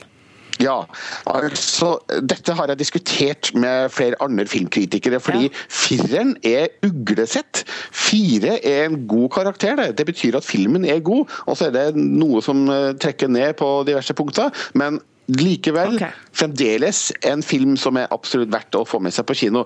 Når du bikker ned på treeren, da kan du kanskje begynne å vurdere om dette er noe for deg. Eh, mens eh, fireren syns jeg er en fin karakter, altså. Så ingen skal gå rundt og være lei seg for at eh, man har fått eh, firer. Eh, flere andre har også gitt Pioner fire, og så har den fått en del femmere også. Men eh, Pioner, det var i går. I kveld så er det mer som skjer i Haugesund. Det er rett og slett utdeling av Amanda, altså Amanda-prisutdeling. Ja. Um, Shit, hva skal du ha på deg, Birger? Seriøst? Nei, det blir bare overkropp, det. Ja! Yes! Men hvilke priser er det? Hva, hva er det knytta mest spenning rundt? Hvor mange priser får Kon-Tiki? Ja, det er det jeg mest spent på. Ja. For den er nominert eh, til åtte Amanda-priser, og den bør jo få noen av de, da, i det minste. Jeg regner med at eh, årets beste kinofilm kanskje er Bankers, i og med at 800 000 så Kon-Tiki på kino. Så eh, jeg tror kanskje den er den sikreste prisen for eh, Kon-Tiki. Men så er det jo andre kategorier også, da, der eh, andre stiller sterkt. Eh, F.eks. filmen 'Som du ser meg' eh, kan jo være en, eh, en regiprisvinner. Eh, Vi får se. Men Er det den med Marie Blokhus og Tobias Santelmann? Ja, det er den kvinne... Eller lov å si Ja, det, ja. Ja. Ja, det er lov. Nå snakker du om 'Jag etter vind'. Den var det jeg snakka om. Men Birger, hvilken norsk film syns du fortjener mest å få heder, ære og pris i kveld? Som personlig. Altså, Rent personlig så ble jeg mest imponert over 'Eventyrland'. Eh, Arild Østin Ommundsens eh, film eh, fra Stavanger-området. og eh, Den har jo allerede fått en Amanda-pris for beste foto, fordi det ble delt ut et par Amanda-priser da nominasjonene ble offentliggjort.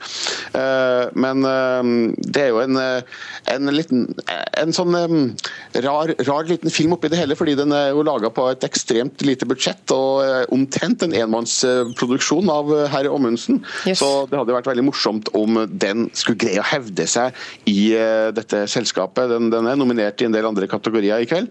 Eh, kanskje ikke i den som jeg trodde skulle være helt sikker, nemlig beste kvinnelige hovedrolle.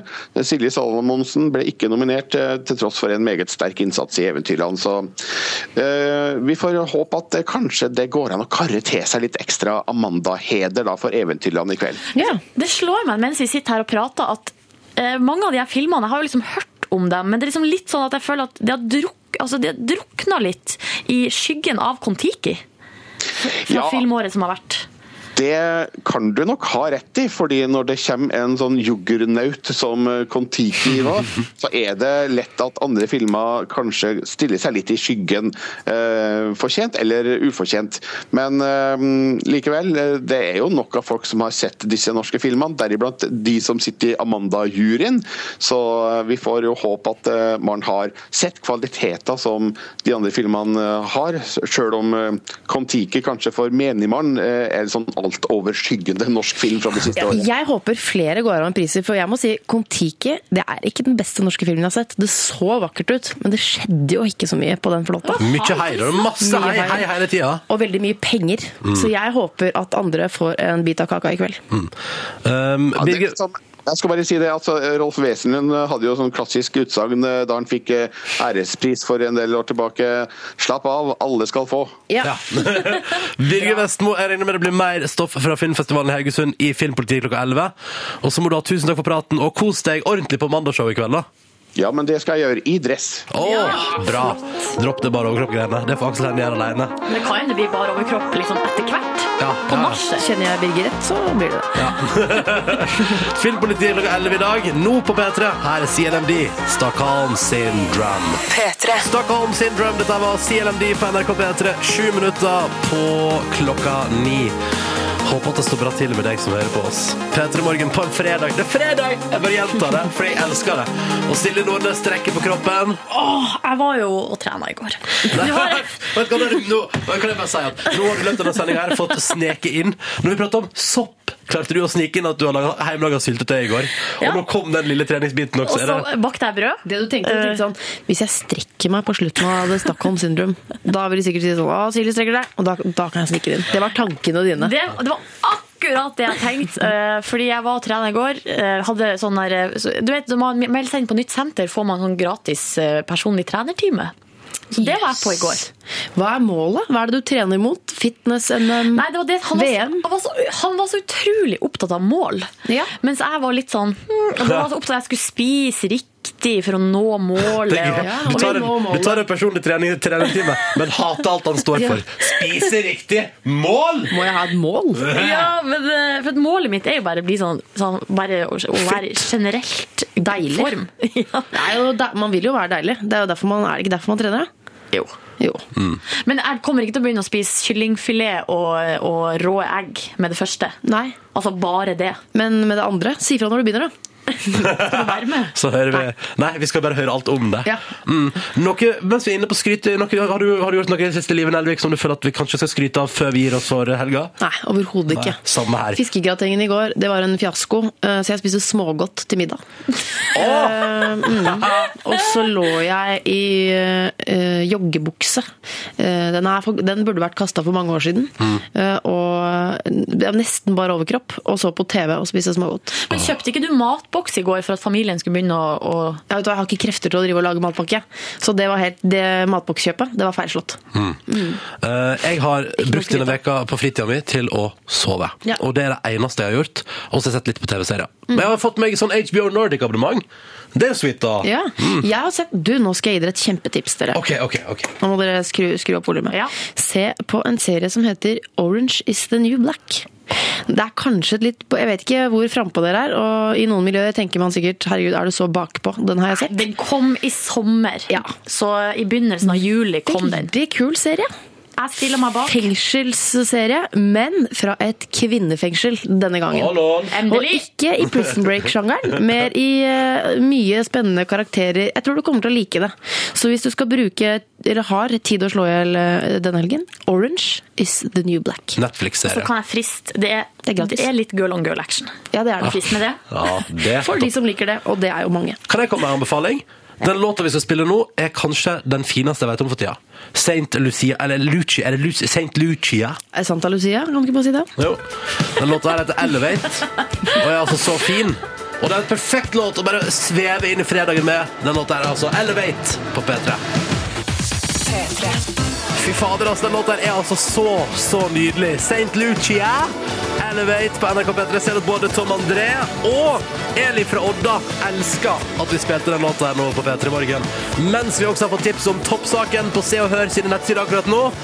Der Live Nelvik har slått seg løs med stripper på utdrikningslaget sitt. Og det er et bilde fra Instagram og hele pakka. Det er rart at, eh, For dette satt jeg og fortalte dere om på mandag. Ja, så jeg du- vil si hvis at du- eh, ja, dere er sent ute. Ja, fordi hvis du vil høre livet, for det står i Se og Hør Livet har ingen kommentarer om utdrikningslaget.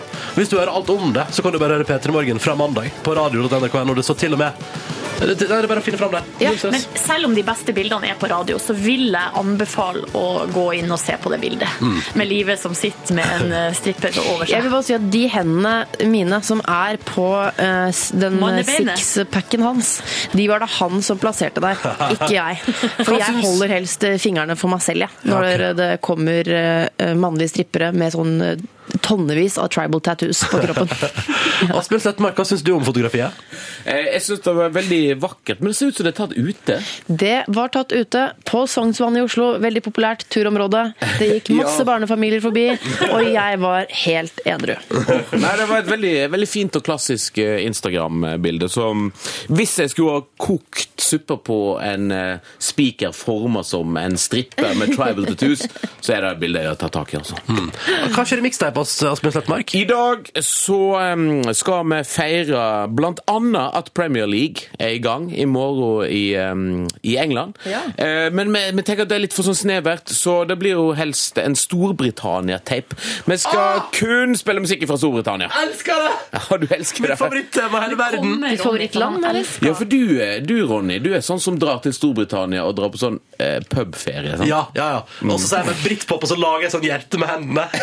Elsker det. Elsker det så, hardt. Og, men i dag så skal vi faktisk vise Vi skal spille masse britpop, selvfølgelig, men vi skal òg vise at Storbritannia er så mye mer. Oho, Så i dag blir det alt ifra hard, hardcore i TRC til klubbmusikk med Disclosure og gud Oh, vet hva. yes. Og så selvfølgelig ønskelåter til kodeord P3 1987. Kjør på.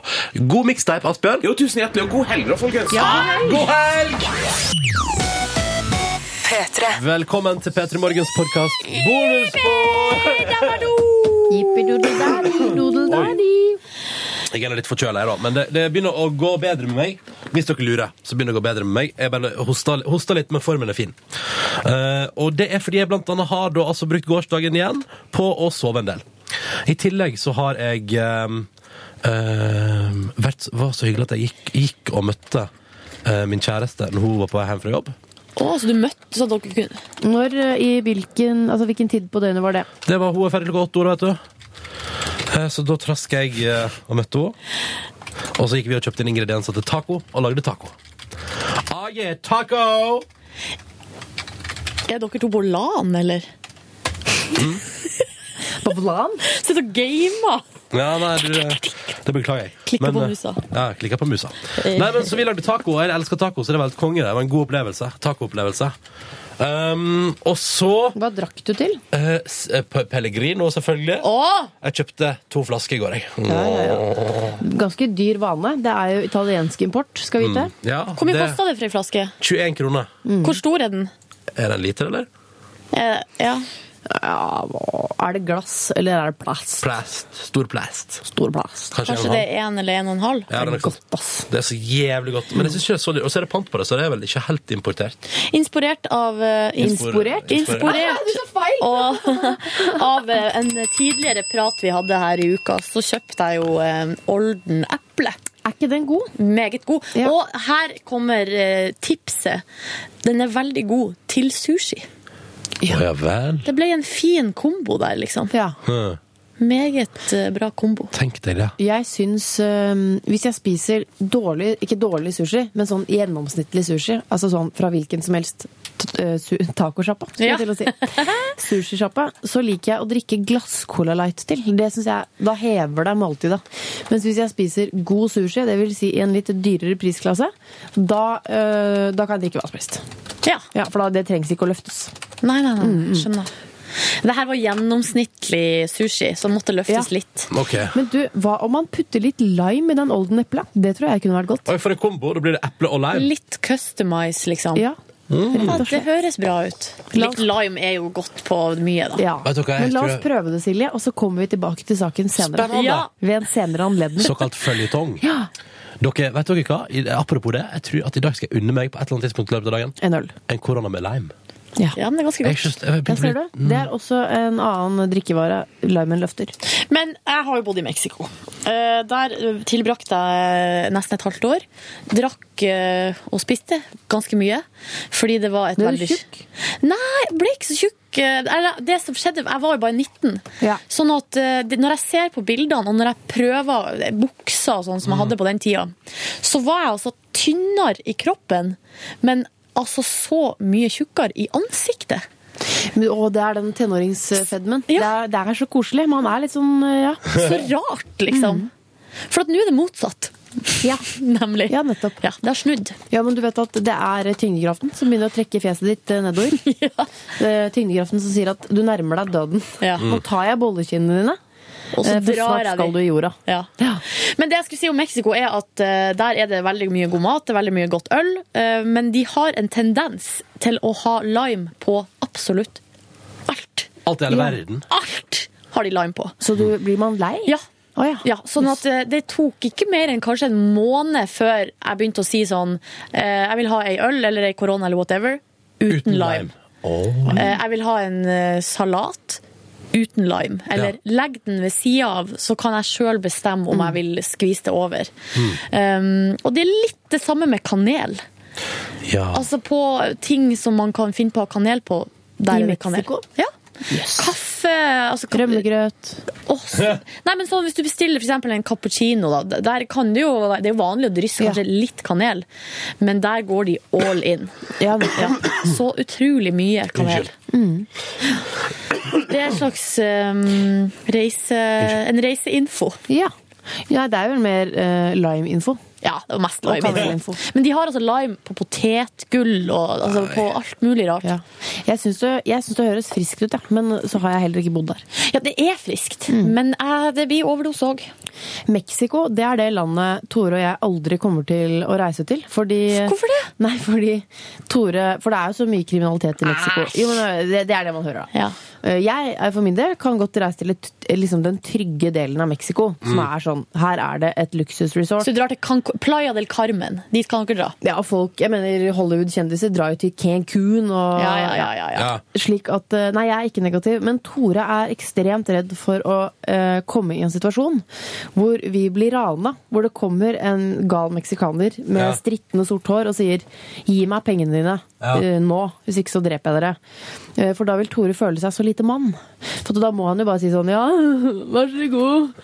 Og så vil han ikke kunne gjøre noe. Og den situasjonen der, den, eh, nei, den vil ikke han komme. Men er det ikke, jeg syns ikke man er mindre mann om man bare innser at her kan vi bli drept. Det er jo bare å gi fra seg. altså. Jeg tenker, jeg, tenker bare sånn, Det er jo helt greit å Ender man opp i en sånn situasjon, så bare Det, det, det som mest mann er bare play it cool og bare gi fra deg det du har, og så går du videre med livet ditt. Ja. Ja, Men er eh, det som er trikset, og det, det er veldig rart å leve i en sånn virkelighet der det, at man bare gjør det som om det var uh, helt normalt. Men det jeg alltid gjør når jeg er i sånne Når. Når jeg er i Latin-Amerika, så har jeg uh, kort i BH-en, penger i den, i den andre puppen, og så har jeg f.eks. 10 dollar i lomma. Så hvis de kommer da og skal ha alle pengene mine, så, så tar jeg liksom Her! Her er pengene mine. Men har det skjedd deg? Nei. Nei. Jeg har aldri blitt rana. Jeg har blitt rana. Altså, det kom, vi, jeg la meg jo en gang før vi var, så, eh, vi var litt full, så vi la oss eh, og søv, og så oppdaga vi at døra Det gikk ikke an å låse døra på hotellrommet. Så tenkte vi i en sånn Baileys nachspiel-aktig situasjon Det går vel greit. Det er vel greit at eh, døra bare står åpen. Og så våkna vi neste morgen, og da var alle tingene våre borte. Ja. Er det sant? Ja. Nei. Jo. Eller i hvert fall mine ting var borte. Ja. Eh, Så det var liksom hele sekken min og pengeboka, mobil, altså visakort. Passet mitt lå sammen med passet til de andre. I en av de andre sin sekk. Som, hva det er en slags idiotpåfunn og sammenlagt på én plass.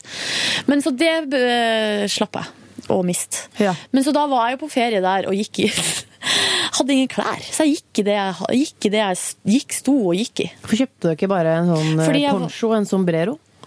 Det var ikke så mye å kjøpe der jeg var. Nei, nei, nettopp. Men jeg gikk i bikini, da, så da gikk jeg i bikini i fire dager. Men du, yeah. eh, jeg syns det er et eh, kjempetips til ikke bare til folk som skal til Mexico, men hvis du f.eks. er ungdom og bor i Oslo. Der blir man jo rana over en lav sko. Har du opplevd det? Nei, lillebroren min opplevde det. Eh, Midt på Majorstua. Nei, Midt på dagen. Er det Tok sant? på en fra jobb. Dratt inn i en sånn liten sånn luke. Eh, måtte gi fra seg mobil, penger, jakke. Ja.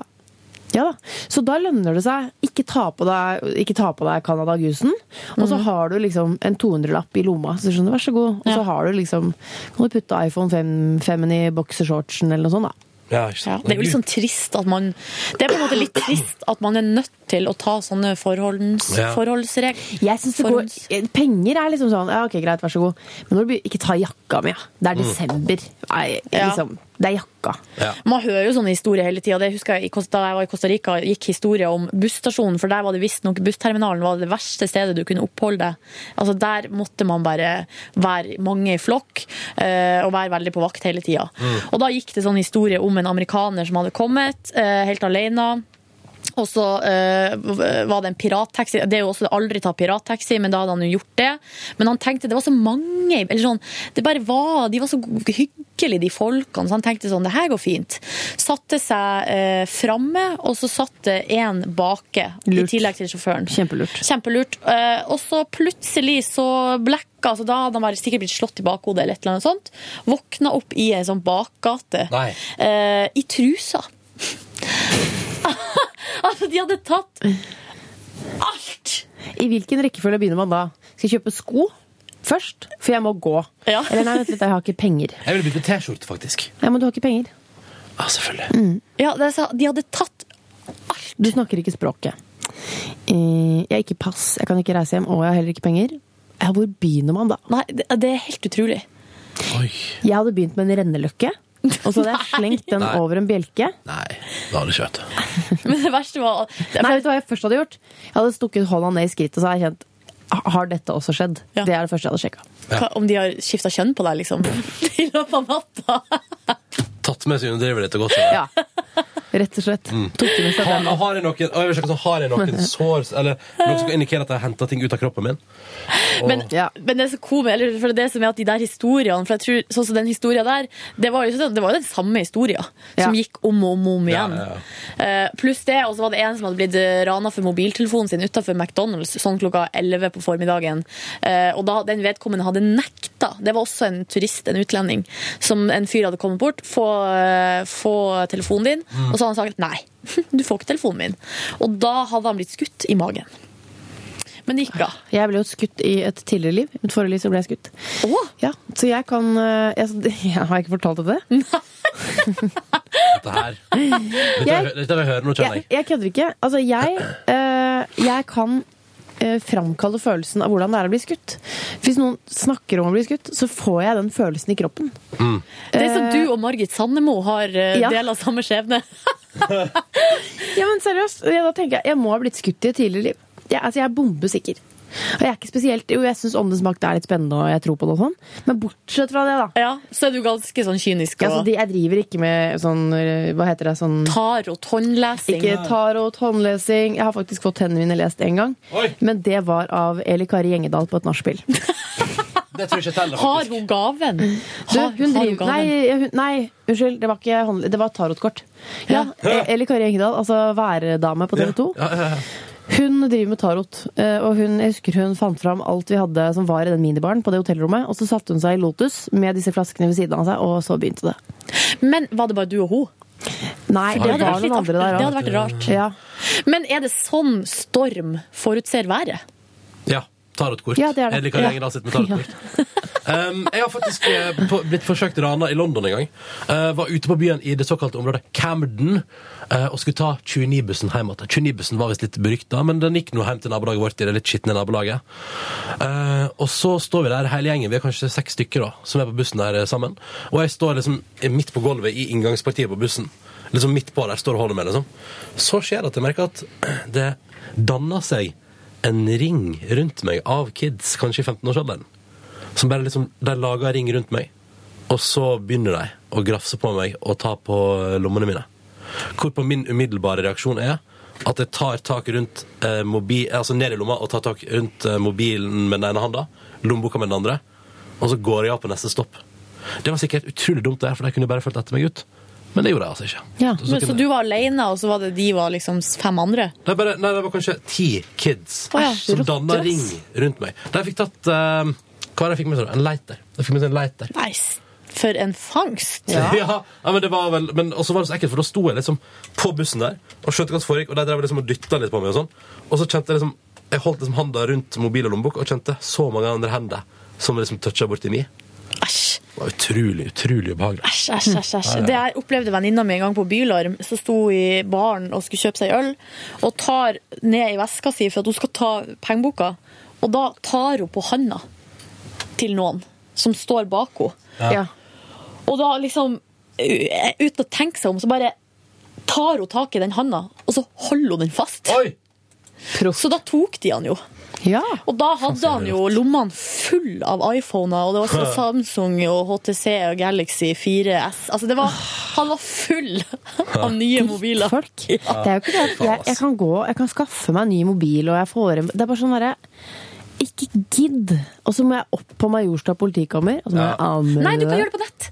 Nytt! Digg! Ja. Ja, da er Fordi det mye bedre. Jeg tror, eh, jeg tror nå Ja, er nå, de da kan du bare ta telefonen min. Ja. På politikammeret tror jeg de er så unnskyld at jeg sier det, fette Ja. lei av uh, folk som kommer på søndag og skal anmelde uh, fra stjålet mobiltelefon. Det tror jeg også. Så nå har de sånn her elektronisk skjema som du bare fyller ut. Kan jeg bare teste en ting? Jørn? Bare er fordi vi skal Jør, Jørn! Nå, nå har Ronny stemmer i hodet. igjen. Jørn Kårstad! Jørn er ikke her, Ronny. Nei. Nei. Eh, men da må jeg fortelle en historie til. Ja. Ok. For jeg sto på eh, et marked på Grünerløkka eh, hver eneste søndag tidligere, og fortsatt, tror jeg. Så er det sånn sted hvor folk selger gammel dritt. Og så hvis noen andre vil ha det, så kan du kjøpe det. Forrige søndag så var jo hun eh, Sonja fra VG, VG Min Mote Nei, der og så solgte klær. Ja, og da tenkte jeg der burde jeg vært, egentlig. Ja, jeg var der først. Altså før Sonja. Ja, ja, Før. Sonja. Du, du står jo borti nabolaget mitt nå av og til. Ja, ja, ja. Jeg selger, jeg selger mye greier, jeg. Eh, nei, og da ehm, Ja, og det var, det var sånn fra Solgte gammel dritt fra videregående Altså, jeg ville bare bli kvitt alt. Ikke gammel dritt, da, men en sånn Paul Frank-veske. Husker dere det merket? Ja, det er det som er sånn apekatt. Apekatt. Og så var det noen andre dyr med Ja. disse logoene også. Så eh, på videregående kjøpte jeg en Paul Frank-veske, for det var bare Det var det hotteste. Ja. Og den er i imitert skinn. En rød Eh, eller blå? Den er oransje, blå, eh, brun, rød. Altså Oi, alt alle regnbuens farger. Høres kul ut. Eh, med en stor sjiraff på. Eh, Det finnes ikke mange av de nå om dagen, det kan jeg fortelle deg. Eh, Og så eh, Og det går unna, det er mye folk, og ti- litt blir stjålet. Eh, En skinnjakke, blant annet. Men det mest irriterende, det er da jeg ser en fyr som surrer rundt på markedet med den veska på seg, som om det var hans. Så tenker jeg, du er en fyr på nesten to meter. Hva gjør du med en sjiraffveske eh, fra 1998? Eh, Så jeg går bort til han, prikker han på skulderen og sier sånn Excuse me, but liksom, den veska der er min, og du har ikke betalt eh, min, og den har du ikke betalt for. Og jeg måtte snakke engelsk, for han var ikke norsk. Eh, og så sier han Hva mener du? Den er min? Så jeg, Nei, det er den ikke. Come han. Eh, jo, det er, se oppi her. Og så har han liksom, da har han lagt mobiltelefonen sin oppi, som for å liksom Se her, jeg har, jeg har jo tatt tingene mine i den kjempelenge. Hva er det du snakker om? Og liksom Da var det bare mobilen? Ja, så blir det bare ord mot ord. Men tro meg, den sjiraffveska der på en 40 år gammel mann på to meter, den var min. Så da røyk den, da. Og da Hvor mye tror du du du sånn- hadde fått for den veska? Nei, men det, det er bare sånn, vet Jeg hva? skjønner at det er bare pri- Du at prinsippet. Det er sånn, du skal få den for 20 kroner. Selv om jeg nok skulle hatt 50. Men altså, det er bare så irriterende. Ja.